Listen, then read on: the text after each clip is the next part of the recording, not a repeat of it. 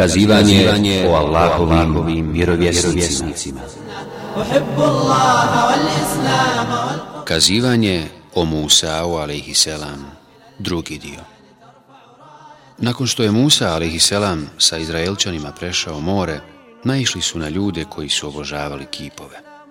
Upitali su ih zašto ih obožavaju, a oni su odgovorili da im ti kipovi daju na faku i da im u teškim situacijama pomažu. Neki Izraelčani su im i povjerovali. O tome uzvišeni Allah kaže. I mi Israilove potomke preko mora prevedosmo, pa oni naiđoše na narod koji se o svojim kipovima. O Musa, rekoše oni, napravi ti nama Boga, kao što i oni imaju bogove. Vi ste u istinu narod koji nema pameti, reče on. Zaista će biti poništeno ono što ovi ispovjedaju i beskorisno će im biti ono što rade. On reče, zar da vam pored Allaha tražim drugog Boga, a On vas je iznad ostalog svijeta uzdigao.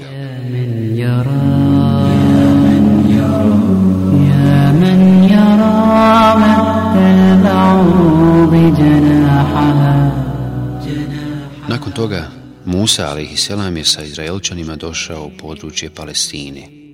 Allah uzvišeni mu je obećao da će mu na brdu Tur objaviti knjigu teorat Odredio mu je i vrijeme za objavljivanje Teorata.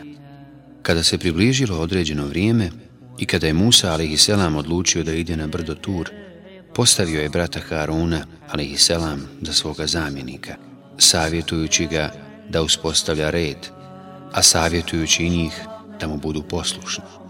Allah uzvišeni obavijestio Musa a.s.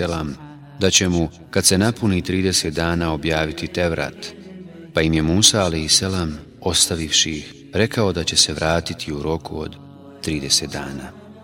Tih 30 dana i noći proveo je u postu i badetu, pa mu je nakon 30 dana posta bilo nezgodno da sa gospodarom govori sa zadahom postača. Prekinuo je post i sažvakao nekoliko listova jedne biljke, ali ga je gospodar zbog toga ukorio. Musa alihi selam je odgovorio, Gospodaru moj, bilo mi je neprijatno da s tobom govorim, a da mi iz usta zaudara neugodan dah. Gospodar je rekao, Musa, zar ne znaš da mi je zadah iz usta postača, draži od mirisa mošusa? Zato se vrati i posti još deset dana, pa mi onda dođi. Musa a.s. je tako i uradio. Većina mu Fesira smatra da su tih 30 dana bili mjesec Zulkade, a 10 dana, 10 dana Zulhidžeta. Prema ovom mišljenju, taj rok je upotpunjen na Kurban Bajram. I tog dana je uzvišeni Allah razgovarao sa Musaom, ali selam. O tome uzvišeni Allah kaže. I mi odredismo da čas susreta sa Musaom bude kad se napuni 30 noći. I dopuni smo ih još sa deset. Pa se vrijeme koje je odredio gospodar njegov ispuni za 40 noći. Allah uzvišen je Musa, ali selam zovno i razgovarao s njim. Kada je čuo Allahov govor, zatražio je od Allaha uzvišenog da ukloni zastor kako bi ga vidio. Uzvišeni Allah kaže I kad nam Musa dođe u određeno vrijeme i kad mu gospodar njegov progovori, on reče Gospodaru moj, ukaži mi se da te vidim, ne možeš me vidjeti, reče. Ali pogledaj u ono brdo, pa ako ono ostane na svom mjestu, vidjet ćeš me. I kada se gospodar njegov onom brdu otkri, on ga sa zemljom sravni a Musa se onesvješćen strovali.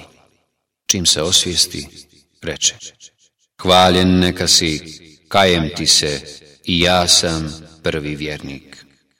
Imam Ahmed i Tirmizi navode da je Enes radi Allahu anhu rekao, Allahov poslanik sallallahu alihi vasallam je proučio ajet i kad se gospodar njegov onom brdu otkri, on ga sa zemljom sravni, pa je stavio palac pri vrhu malog prsta i rekao, i brdo se sruši.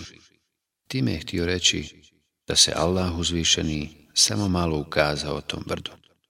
Buharija i Muslim prenosio od Ebu Musa radi Allahu anhu, da je poslanik sallallahu alaihi wasallam rekao, njegov zastor je svjetlo, kada bi ga podigao, svjetlost njegovog lica bi spalila sva stvorenja dokle dopire njegov pogled. Nakon toga, Allah uzvišen je Musa alihi selam obavijestio da je njegov odabranik tog vremena i dao mu ploče od dragocjenog bisera. Napisao mu je na njima svojom rukom savjete i objašnjenje za sve, te propise koji određuju šta je dozvoljeno, a šta zabranjeno. Te su ploče sadržavale te vrat, skup zakona po kojima su bili dužni živjeti on i njegov narod. Uzvišeni Allah kaže O Musa, reče on, ja sam tebe odabrao nad ostalim svijetom, poslanstvom svojim i govorom svojim. Ono što ti dajem, uzmi i zahvalan budi. I mi mu na pločama napisa smo pouku za sve i objašnjenje za svašta pa uzmi čvrsto i naredi svome narodu da prihvate ono najljepše o njima, a pokazat ću vam i zemlju griješnika. Od osnovnih propisa u Tevratu je deset zapovjedi. One su naređenje da se obožava samo Allah koji nema sudruga, zabrana pravljenja urezana lika ili slike bilo čega, zabrana krivog zaklinjanja Allahom naređenje da se pazi na subotu, poštivanje oca i majke, zabrana ubistva, bluda, krađe, lažnog svjedočenja, zabrana požude za nečim što pripada nekom drugom. Mnogi učenjaci kažu, tih deset zapovjedi sadržane su u 151. i 152. ajetu sure El Enam. Uzvišeni Allah kaže Reci, dođite da vam kažem šta vam vaš gospodar propisuje. Da mu ništa ne prepisujete, da roditeljima dobro činite, da ne ubijate svoju djecu zbog neimaštine. Mi i vas i njih hranimo. Ne približujte se razvratu, bio on javan ili tajan. Ne ubijajte onog koga je Allah zabranio ubiti, osim kada to pravda zahtjeva. To je ono što vam on oporučuje, da biste razmislili i da se i metku siročeta ne približavate, osim na najljepši način, sve dok punoljetno ne postane, i da pravedno na litri i kantar umjerite. Mi nikoga preko njegove mogućnosti ne zadužujemo i kad govorite da krivo ne govorite, pa makar se ticalo i srodnika, i da obaveze prema Allahu ispunjavate, Eto, to vam on naređuje da biste to na umu imali. Musa a.s. je na turu pitao Allaha uzvišenog o mnogim stvarima, a Allah uzvišeni mu je na njih odgovarao. Katade kaže da je Musa a.s. rekao Gospodaru moj, u ovim pločama se govori o narodu od koga se bolji pojaviti neće i naređivat će da se čine dobra djela, a zabranjivati ne valjala. Gospodaru moj, daj da to bude moj narod. Ne, to će biti Ahmedov narod, odgovorio je Allah. Gospodaru moj, u ovim pločama se govori o narodu koji će se među posljednjim pojaviti, a prvi će ući u džennet. Gospodaru moj, daj da to bude moj narod. Ne, to će biti Ahmedov narod, odgovorio je Allah. Musa je rekao, gospodaru moj, u ovim pločama se govori o narodu koji će svoju knjigu čuvati u grudima i učiti je na pamet, a prije njih su narodi učili svoju knjigu gledajući, pa kad bi je zatvorili, ništa ne bi zapamtili. Allah će im dati pamćenje kako nijednom drugom narodu nije dao. Gospodaru moj, daj da to bude moj narod. Ne, to će biti Ahmedov narod, odgovorio je Allah. Musa je rekao, gospodaru moj, u ovim pločama se govori o narodu koji će vjerovati u ranije i kasnije objave i borit će se protiv onih koji će srljati krivim putem, povodeći se za čoravim lažovom, deđalom. Gospodaru moj, daj da to bude moj narod. Ne, to će biti Ahmedov narod, odgovorio je Allah. Musa je rekao, Gospodaru moj, u ovim pločama se govori o narodu kojem se, kad naumi da uradi dobro djelo, pa ga ne uradi, piše nagrada kao da ga je uradio, a ako ga uradi, nagrada mu se uvećava od deset do sedamstotina puta. Gospodaru moj, daj da to bude moj narod. Ne, to će biti Ahmedov narod, odgovorio je Allah. Musa je rekao, Gospodaru moj, u ovim pločama se govori o narodu koji će imati pravo na šefat, za uzimanje na sudnjem danu. Gospodaru moj, daj da to bude moj narod. Ne, to će biti Ahmedov narod, odgovorio je Allah. tade dodaje, rečeno nam je da je Musa nakon toga ostavio ploče i zamolio. Allahu moj, daj da i ja budem od Ahmedovih sljedbenika. Ibn Hibban prenosi od Ebu Sejda radi Allahu anhu, da je poslanik sallallahu alihi wasallam rekao Musa je rekao Gospodaru moj, pouči me riječima kojima ću te se sjećati i doveti upućivati. O Musa, izgovaraj La ilaha illallah, rekao je. Gospodaru moj, svaki tvoj rob to zna i izgovara, rekao je Musa izgovaraj la ilaha illallah, rekao je. Ja bih želio nešto što će samo meni odrediti, rekao je Musa. O Musa, kada bi sedam nebesa i sedam zemalja i sve što je na njima bilo na jednoj strani, a la ilaha illallah na drugoj, la ilaha illallah bi prevagnulo, rekao je Allah. Ibn Hiban prenosio debu debu Kureyre, radijallahu anhu, da je poslanik sallallahu alaihi wasallam rekao Musa je pitao svoga gospodara Gospodaru moj, ko je od tvojih robova najbogobojazniji? Onaj kome se stalno sjeća, odgovorio je. Musa je upitao, ko je od tvojih robova najupućeniji? Onaj ko slijedi uputu, odgovorio je.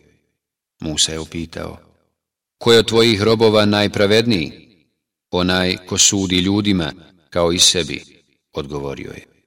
Musa je upitao, ko je od tvojih robova najučeniji? Učenjak koji se ne može zasititi znanjem i koji od drugih uzima znanje da bi svoje povećao. Musa je upitao, ko je od tvojih robova najjačiji?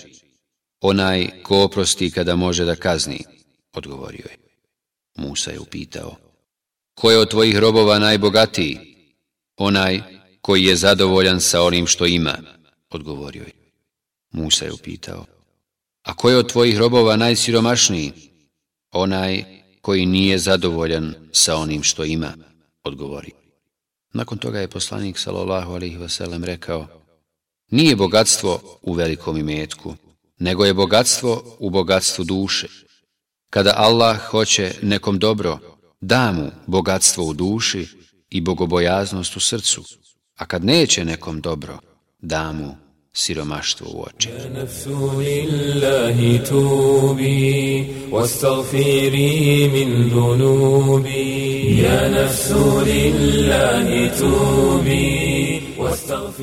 Kada se Musa a.s. nije vratio svome narodu u obećano vrijeme, to im je teško palo. Harun a.s. je mislio da je razlog Musa ovo kašnjenja bespravno stečeno zlato koje su ponijeli iz Egipta. Harun a.s. im je rekao, kad ste izlazili iz Egipta, sa sobom ste ponijeli dragocjenosti koje su vam faraonovi ljudi povjerili na čuvanje, kao i nakit kojeg su vašim ženama pozajmile koptkinje za korištenje u svečanim prilikama. Zato vam preporučujem da ni jednu njihovu stvar ne dirate. Ništa od toga im nećemo vratiti, niti ćemo za sebe zadržati. Zatim je iskopao jednu rupu, naložio u njoj veliku vatru i naredio im da svako ko je imao tuđi imetak baci u rupu kako bi se pretvorio u jedinstvenu gromadu, pa da Musa selam, kada se vrati s njim uradi šta hoće. Kada je pored Haruna selam, naišao Samirij, noseći u pregrštu nešto, Harun selam, ga je upitao, O Samirija, Zar nećeš i ti baciti to što ti je u rukama? Na što mu on odgovori. Bacit ću ga pod uvjetom da moliš Allaha da od ovoga stvori što ja želim. Harun selam je na to pristao. Samiri je kod sebe imao prašinu. Uzeo ju je sad na mora od traga Džibrilove kobile. On je primijetio da ispod svake kopite te kobile odma iznikne bilje. Uzeo je pregršt te zemlje i sa sobom je ponio. Dok je Harun a.s. činio dobu, Samiri je bacajući prašinu rekao Hoću da to zlato postane tele. Tada su se sve dragocjenosti i nakit, sve što je bilo u rupi, skupile u obliku teleta. Ono nije imalo dušu, ali je bilo šuplje, pa mu je zrak ulazio sa stražnjeg dijela i izlazeći na usta proizvodio zvuk. Izraelčani su rekli, O Samiri, šta je ovo? Ovo je vaš Bog, odgovorio je Samiri. I oni su mu povjerovali. Harun a.s. im je govorio, O narode moj, vi ste njime samo u iskušenje dovedeni. Gospodar vaš je milostiv, zato slijedite mene i slušajte naređenje moje. Mi ćemo mu se klanjati sve dok nam se ne vrati Musa, odgovorili su oni. Oni su zapitkivali, šta je sa Musaom? Obećao nam je da će se vratiti za 30 dana, a onda porekao, evo već je prošlo 40 dana, a pa njega nema. Najgori od njih rekoše, nije pronašao svoga gospodara, pa ga traži. Kada je Allah uzvišeni govorio sa Musaom, ali i selam, između ostalog mu je saopćio šta se desilo sa njegovim narodom poslije njega. Kada se Musa, ali i selam, vratio i vidio da obožavaju tele, Bacio je ploče koje je nosio, na kojima je bio ispisan vrat. Zbog onoga što su uradili, Musa a.s. ih je žestoko izgrdio. A oni su tražili izgovore i pravdali se. Uzvišeni Allah kaže I Musa se narodu svome vrati srdit i žalostan. O narode moj, reče, zar vam gospodar vaš nije dao lijepo obećanje? Zar vam se vrijeme oduljilo? ili hoćete da vas stigne srđba gospodara vašeg, pa se zato niste držali obećanja koje ste mi dali. Nismo prekršili svojom voljom dato obećanje, odgovoriš. Bili smo natovareni teretima, tuđim nakitom, pa smo to bacili. A to isto uradio je i Samiri, pa im je nastalo tele koje je davalo glas, kao da muče. I oni su onda rekli, ovo je vaš Bog i Bog Musa, on ga je zaboravio. Uzvišeni Allah, objašnjavajući ništavost njihovog ubjeđenja i vjerovanja, kojim Boga svode na običnu životinju, kaže Zar oni nisu vidjeli da im ono ni riječi ne odgovara i da od njih ne može nikakvu nevolju otkloniti, niti im kakvu korist pribaviti? Zatim se okrenuo prema bratu Harunu, ščepao ga za glavu, sebi ga povukao i upitao.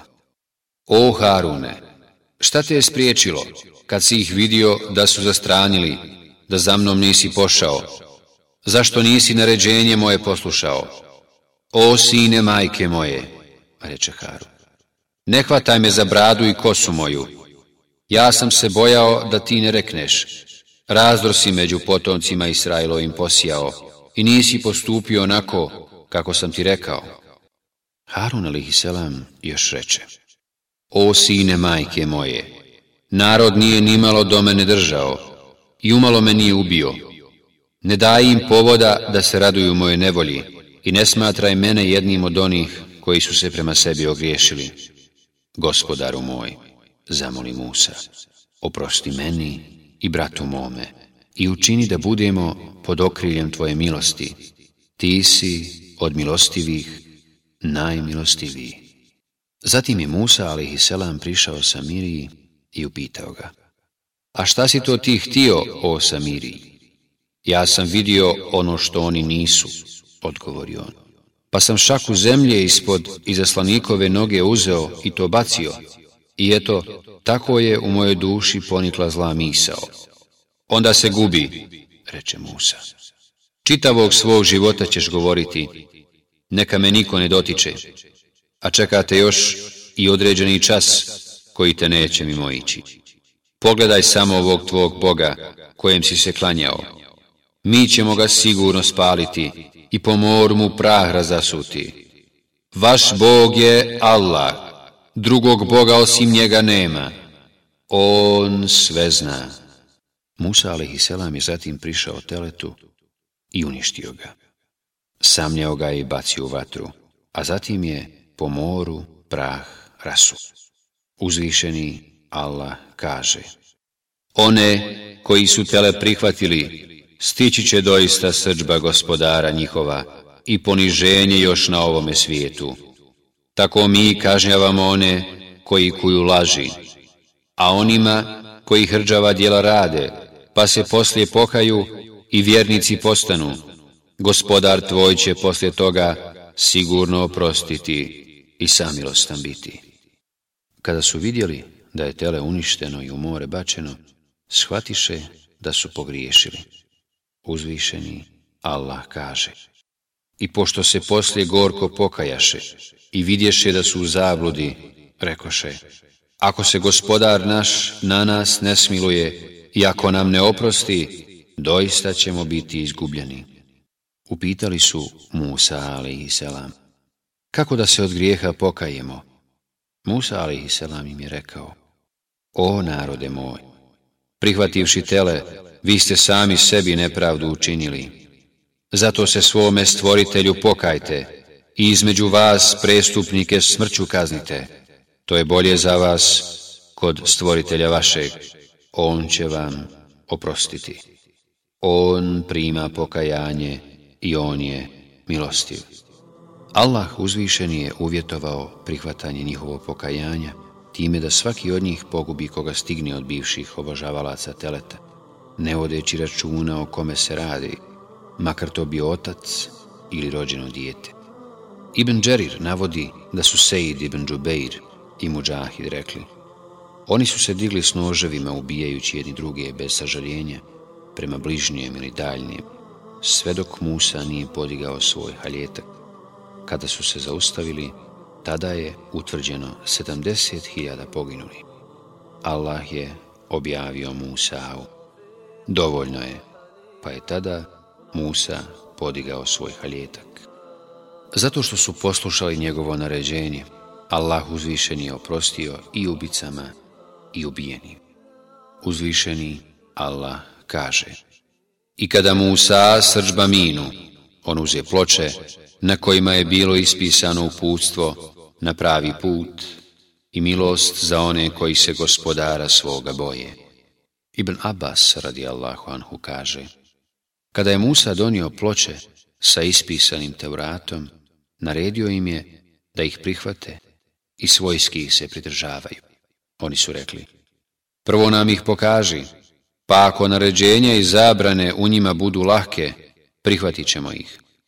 Musa a.s. je rekao, ne, nego ih prihvatite onakve kakve jesu, pa ih više puta pročitajte.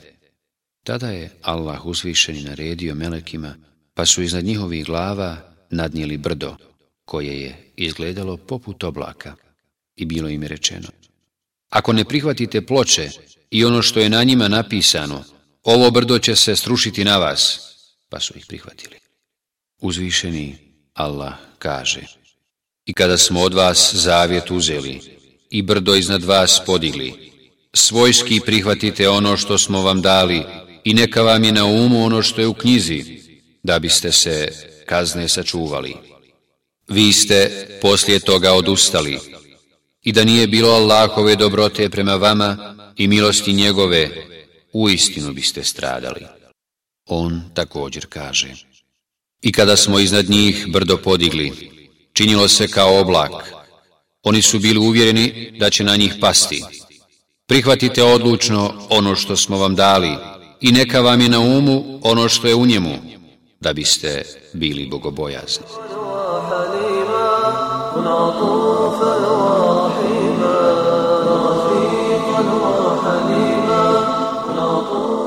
Kad je Musa a.s. vidio da su srca njihova zbog njihova nevjerovanja još bila ispunjena ljubavlju prema teletu i kad je vidio njihovu odbojnost prema Allahovim propisima, odlučio je da zajedno sa grupom najboljih ljudi iz naroda zatraži oprost za sve. Izabrao je 70 ljudi iz svoga naroda. Bili su to najbolji Izraelčani, koji nisu ni u jednom momentu obožavali tele, ali su bili suzdržani i nisu spriječili svoj narod da to radi prije nego što su krenuli, rekao im je, postite i čisto držite i svoja tijela i odjeću. Kada su uradili ono što je on od njih tražio i kada su krenuli prema Sinajskom gorju, oni rekoše Musao selam. Zatraži da i mi čujemo govor našeg gospodara. On im odgovori. Hoću. Kada se on s njima približio planini Tur, zemlja se počela tresti. I oni pomisliše da je njihovim životima došao kraj. Ibn Abbas Allahu anhu kaže Potres ih je zadesio zato što nisu spriječavali svoj narod da obožava tele. Musa, ali selam reče Gospodaru moj, da si htio, mogao si i njih i mene uništiti još prije. Zar da nas uništiš zbog onog što su uradili bezumnici naši? To je bilo samo iskušenje tvoje, kojim ti i koga hoćeš u zabludi ostavljaš. Ako ga hoćeš, na pravi put upućuješ. Ti si zaštitnik naš, pa nam oprosti i smiluj nam se, jer ti praštaš najviše. I dosudi nam milost na ovome i na onome svijetu. Mi se u istinu vraćamo tebi. Zemljotres se nakon toga smiri i oni nastaviše put prema Tur. I kada se Musa a.s. približi brdu, na to se brdo spusti jedan oblak koji ga cijelog prekri. Musa a.s. se još više približi, uđe u oblak i reče svojim sunarodnicima. Primaknite se. Oni su se primaknuli, ušli u oblak i pali na seđu. Tada su čuli Allaha uzvišenog, kako se obraća Musa'u a.s.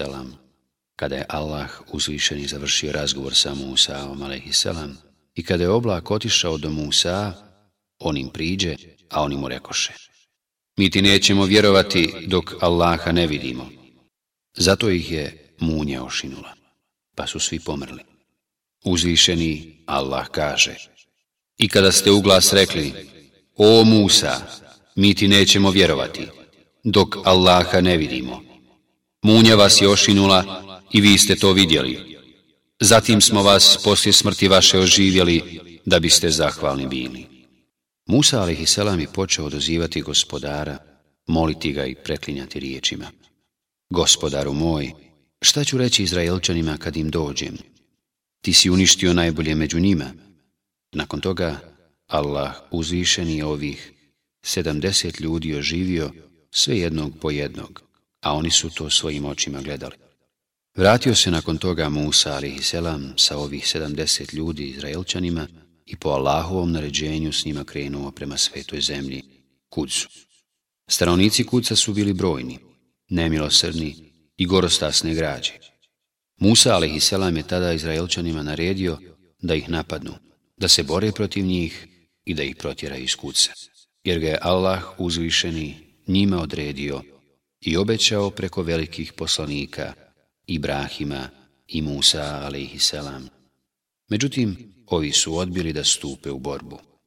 Uzvišeni Allah kaže A kada Musa reče narodu svome O narode moj, uđite u svetu zemlju koju vam je Allah odredio i ne uzmičite unazad, pa da se vratite izgubljeni.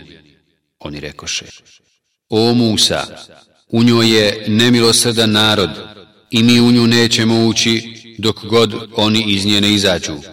Ako oni iz nje izađu, mi ćemo onda sigurno ući. Dva čovjeka koja su se Allaha bojala i kojima je on darovao milost svoju, rekoše, navalite im na kapiju, pa kad kroz nju prođete, sigurno ćete pobjediti. I u Allaha se pouzdajte ako ste vjernici. Jedni kažu da su ta dvojica bili od stanovnika kuce Povjerovali su Musa, i selam, došli mu i rekli, mi bolje od vas poznajemo svoj narod. Ako se plašite njihove brojnosti i gorostasne građe, znajte da nisu nimalo hrabri ni jaki, pa navalite na njihovu kapiju. Ako to učinite, sigurno ćete pobijediti. Drugi kažu da su to bili Izraelčani, Jošu ibn Nun i Kalib ibn Jofna. Izraelčani su se bojali tih silnika, iako su se osvjedočili u propast faraona, koji je bio od ovih još veći silnik, jači. imao je više pristalica i vojske. Uzvišeni Allah kaže. Oni rekoše, o Musa, dok god su oni u njoj, mi nećemo u nju ulaziti. Idi ti i tvoj gospodar pa se bojite, a mi ćemo ovdje čekati. Gospodaru moj, reče Musa. Ja imam vlast samo nad sobom i svojim bratom, pa presudi nama i narodu griješnom. Ona će im biti zabranjena, reče on. Četrdeset godina luta ćete po zemlji. Zato ne tuguj za griješničkim narodom. Naljutivši se na njih, zbog neposlušnosti Allahovim naredbama, u ovom slučaju to je bilo odbijanje borbe, Musa a.s. ih je prokleo i nazvao velikim griješnicima. Inače, do tada ih nije proklinjao za njihove prijestupe i grijehe. Allah uzvišen je uslišao njegovu kletu. Sam ih nazvao velikim griješnicima i zabranio im ulazak u svetu zemlju 40 godina. Odredio im je da cijelo to vrijeme lutaju po pustini, bez jednog dana odmora i stalnog mjesta prebivališta. Dok su bili u teškom stanju, lutajući pustinjom bez vode, Allah uzvišeni im je dao da udarce ovog štapa po određenom kockastom kamenu provrije voda u dvanaest izvora. Na svaku stranu po tri. Musa a.s. je svakom plemenu pokazao izvor sa kojeg će piti. Kud god bi krenuli i gdje god bi došli, našli bi kamen kod sebe. U ljetno doba Allah uzvišeni bi im davao da ih natkrije oblak, koji bi ih štitio od žege i prejake sunčeve svjetlosti. S obzirom da nisu imali usjeva i životinja, dao im je bez ikakvog njihovog truda i zahmeta dva ukusna jela. Ujutro bi im spuštao s neba manu koju su nalazili po svojim šatorima, pa su je uzimali onoliko koliko im je za taj dan bilo potrebno. Od te mane su pravili nešto slično hljebu, a bilo je potpuno bijelo i veoma ukusno. Pred kraj dana bi im dolijetale ptice prepelice, pa bi ih oni bez muke lovili onoliko koliko im je bilo potrebno za večer. Uzvišeni Allah kaže I mi smo Musa objavili, kad mu je narod njegov vode zatražio, udari štapom svojim po stijeni i iz nje je dvanaest vrela provrelo. Svaki rod je znao vrelo iz koje će piti i mi smo im od oblaka hlad pravili Imanu manu i prepelice im davali. Jedite lijepe stvari kojima vas obskrbljujemo. To su bile velike blagodati od Allaha uzvišeno. Međutim, oni na njih nisu pazili onako kako je trebalo, niti su na njima Allahu uzvišenom zahvaljivali. Mnogima su spomenute blagodati bile dosadile, pa su rekli, O Musa, mi ne možemo više jednu te istu hranu jesti zato zamoli u naše ime gospodara svoga da nam podari onog što iz zemlje rađa, povrća i krastavica, i žita, i leće, i luka crvenog. Zbog tih riječi Musa a.s. ih je grdio, govoreći Zaželite da ono što je bolje zamijenite za ono što je gore? Idite u grad, imat ćete ono što tražite.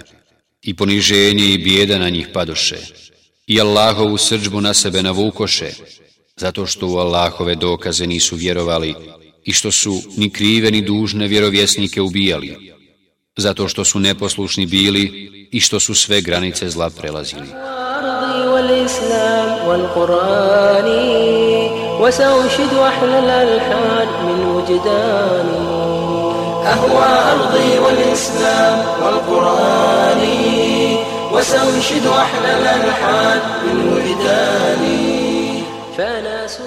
U tih 40 godina lutanja dogodilo se nekoliko značajnih događaja, koje je čak uzvišeni Allah spomenuo u Kur'anu. Od tih događaja i događaj vezan za kravu, po kojoj je druga sura u Kur'anu dobila naziv Suratul Baqara, sura krava. Ibn Abbas, radi Allahu anhu, kaže – Među Israelovim potomcima je bio jedan stari bogataš koji je imao više bratića. Oni su priželjkivali njegovu smrt kako bi ga naslijedili. Jedan od njih ga je jedne noći ubio i ostavio tijelo na raskrsnici. Ujutro su se ljudi počeli prepirati oko toga, a njegov bratić, ubica, je došao i počeo kukati i plakati za njim. Neko od njih je rekao, šta vam je, svađate se, a ne idete Allahovom poslaniku. Na to je bratić ubijenog otišao Allahovom poslaniku Musau i požalio se na slučaj svog Amidže, pa je Musa rekao Zaklinjem Allahom svakog onog ko zna išta o ovome ubistvu, da nam to kaže. Međutim, niko o tome nije ništa znao, pa su onda ljudi od njega zatražili da o tom problemu upita svog gospodara uzvišenog. Uzvišeni Allah kaže. A kada je Musa rekao svome narodu, Allah vam naređuje da zakoljete kravu, oni upitaše. Zbijaš li ti to s nama šalu? Allahu se utječemo toga da budem neznalica, reče on. Zamoli svoga gospodara u naše ime, Rekoš da nam objasni kojih godina ona treba da bude. On kaže, odgovori on, da ta krava ne smije da bude ni stara ni mlada, nego između toga, srednje dobi, pa izvršite ono što vam se naređuje. Zamoli svoga gospodara u naše ime, rekoše, da nam objasni kakve boje treba da bude.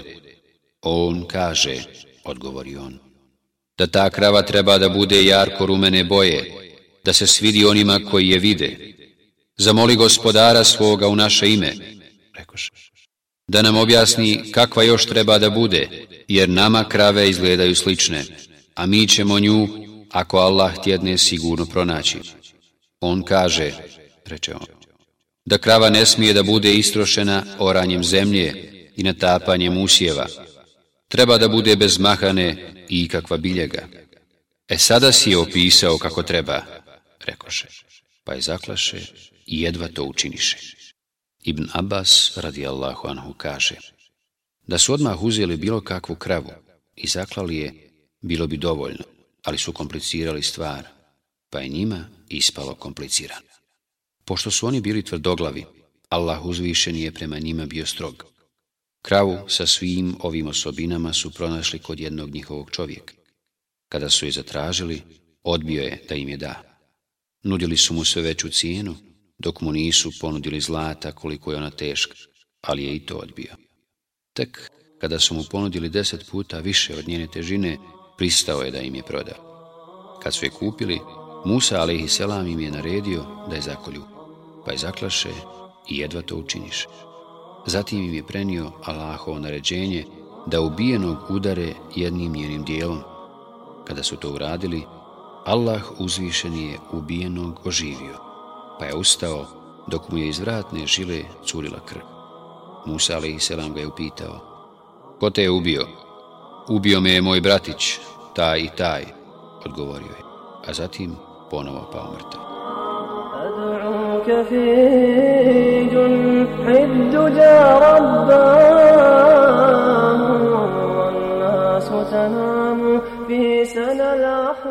Od događaja koji se dogodio u periodu 40 godina lutanja je i Musao a.s. događaj sa vjerovjesnikom ili poslanikom Hidrom a.s. koji je uzvišeni Allah spomenuo u suri El Keh.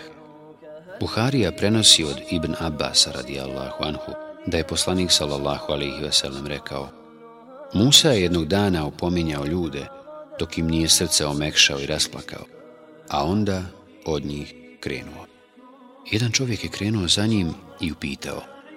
Allahov poslaniče, ima li na zemlji iko znani od tebe? Nema, odgovorio je. Na to ga je Allah ukorio, jer nije znanje pripisao njemu, pa mu je rečeno. Ima, a ko je taj gospodaru? Upitao je Musa. Na sastavu dvaju mora, odgovorio je. Gospodaru, daj mi znak pomoću kojeg ću ga prepoznati, Uzmi jednu ribu i stavi je u torbu, pa gdje je izgubiš, tu će biti, odgovorio je Allah. Musa je uzeo ribu, stavio je u torbu i krenuo sa svojim mladićem, Jošuom ibn Nunom. Musa je rekao svome momku, zadužujem te samo jedno, da paziš i kažeš mi kada ti riba nestane. Na to je momak rekao, nisam puno zadužen. Stigavši do jedne stijene na obali mora, Musa je u njenoj hladovini malo prilegao i zaspao. Dok je Musa spavao, riba je došla u dodir sa vodom izvora ispod te stijene. Taj izvor se zvao El Hayat, život. Što god bi ta voda dohvatila, ono bi oživilo. Riba je oživjela, izašla iz torbe i dograbila se mora. Mladić je pomislio, neću ga buditi. Kada se Musa probudio, Njegov mladić mu je zaboravio reći šta se desilo sa ribom, pa su ostatak dana i noći nastavili putovati. Kada je sutradan svanulo, Musa je rekao mladiću, Daj nam užinu našu, jer smo se od ovog našeg putovanja umorili. Mladić mu je odgovorio, Vidi, kad smo se kod one stijene svratili, ja sam zaboravio onu ribu, sam šeitan je učinio da zaboravim, da ti je ne spomenem. Mora da je ona skliznula u more. Baš čudnovato. Musa mu je rekao, e, to je ono što tražimo. I njih dvojica se vratiše putem kojim su bili došli. Njih dvojica su se, prateći tragu kuda su došli, vratili do one stijene i tamo zatekli čovjeka zavijenog u odjeću. Musa mu je nazvao Selam, a Hidrga upitao. Odakle u tvojoj zemlji Selam? Ja sam Musa, odgovorio je. A ona je upitao. Musa, Israilovih potomaka, da, rekao je Musa. Došao sam da me poučiš onome čemu si ti ispravno poučen. Ti sigurno nećeš moći sa mnom izdržati, reče onaj. Na to mu je Musa rekao. Vidjet ćeš ako Bog da, da ću biti strpljiv i da ti se neću ni u čemu protiviti. Hidr mu je rekao. Ako ćeš me već pratiti, onda me ni o čemu ne pitaj, dok ti ja o tome prvi ne kažem. I njih dvojica krenuše. Išli su obalo mora, pa je pored njih naišla lađa. Hidr je zamolio da ih povezu, pa su ih, kad su vidjeli Hidra, povezli bez ikakve naknade. Ušavši u lađu, Hidr je odjednom uzeo sjekiricu i odvalio jednu dasku, pa mu je Musa rekao, Ljudi su nas besplatno povezli, a ti si počeo razvaljivati lađu. Učinio si doista nešto vrlo krupno. Ne rekoh li ja, reče ona, da ti doista nećeš moći izdržati sa mnom. Ne karaj me što sam zaboravio, reče. I ne čini mi poteškoće u ovom poslu mome. Poslanik, salallahu alaihi vasallam, je rekao, to je bio prvi slučaj kada je Musa zaboravio. Zatim je vrabac sletio na rub Blađe i zabuo kljun u more, pa je Hidr rekao Musao, Moje i tvoje znanje u odnosu na Allahovo nije ništa veće od onog što je ovaj vrabac uzeo u kljun u odnosu na ovo more.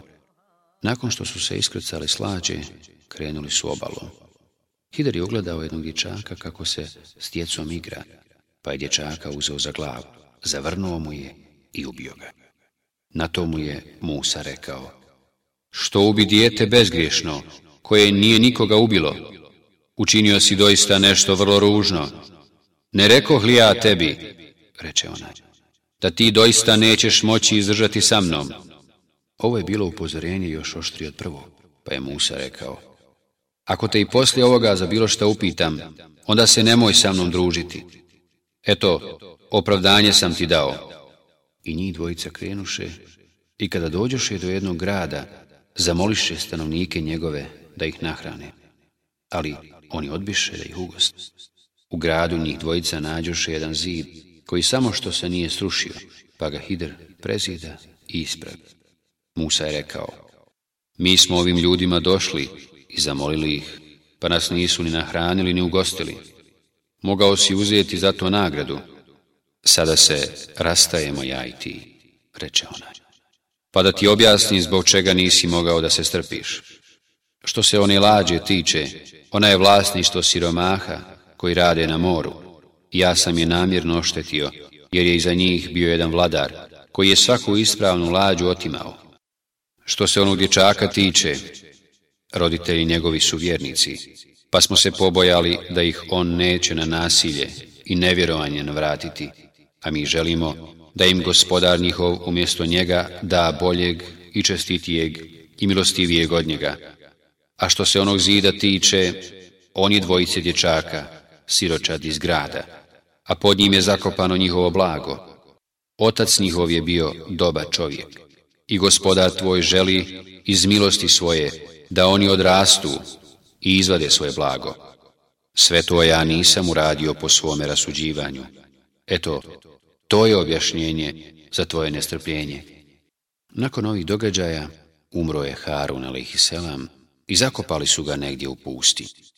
Dvije godine nakon njegove smrti, isto u vrijeme lutanja pustinjom, umro je i Musa a.s i njega su zakopali u pustinji. Ima Ahmed navodi da je Ebu Horeire, radi Allahu Anhu, rekao. Kada je melek smrti došao Musau i rekao mu, odazovi se svome gospodaru, Musa ga je udario i izbio mu oko. Pa se melek vratio Allahu i rekao, poslao si me svome robu koji ne želi da umre i koji mi je izbio oko. Na to mu je Allah vratio oko i rekao, vrati se mome robu i reci, hoćeš li da živiš? Ako to hoćeš, onda svoju ruku stavi na leđa vola, pa koliko god ti ruka pritisne tlaka, toliko ćeš još godina živjeti. Musa je na to upitao. A šta poslije toga? Opet smrt. Na to je Musa odgovorio. Onda odmah. تحت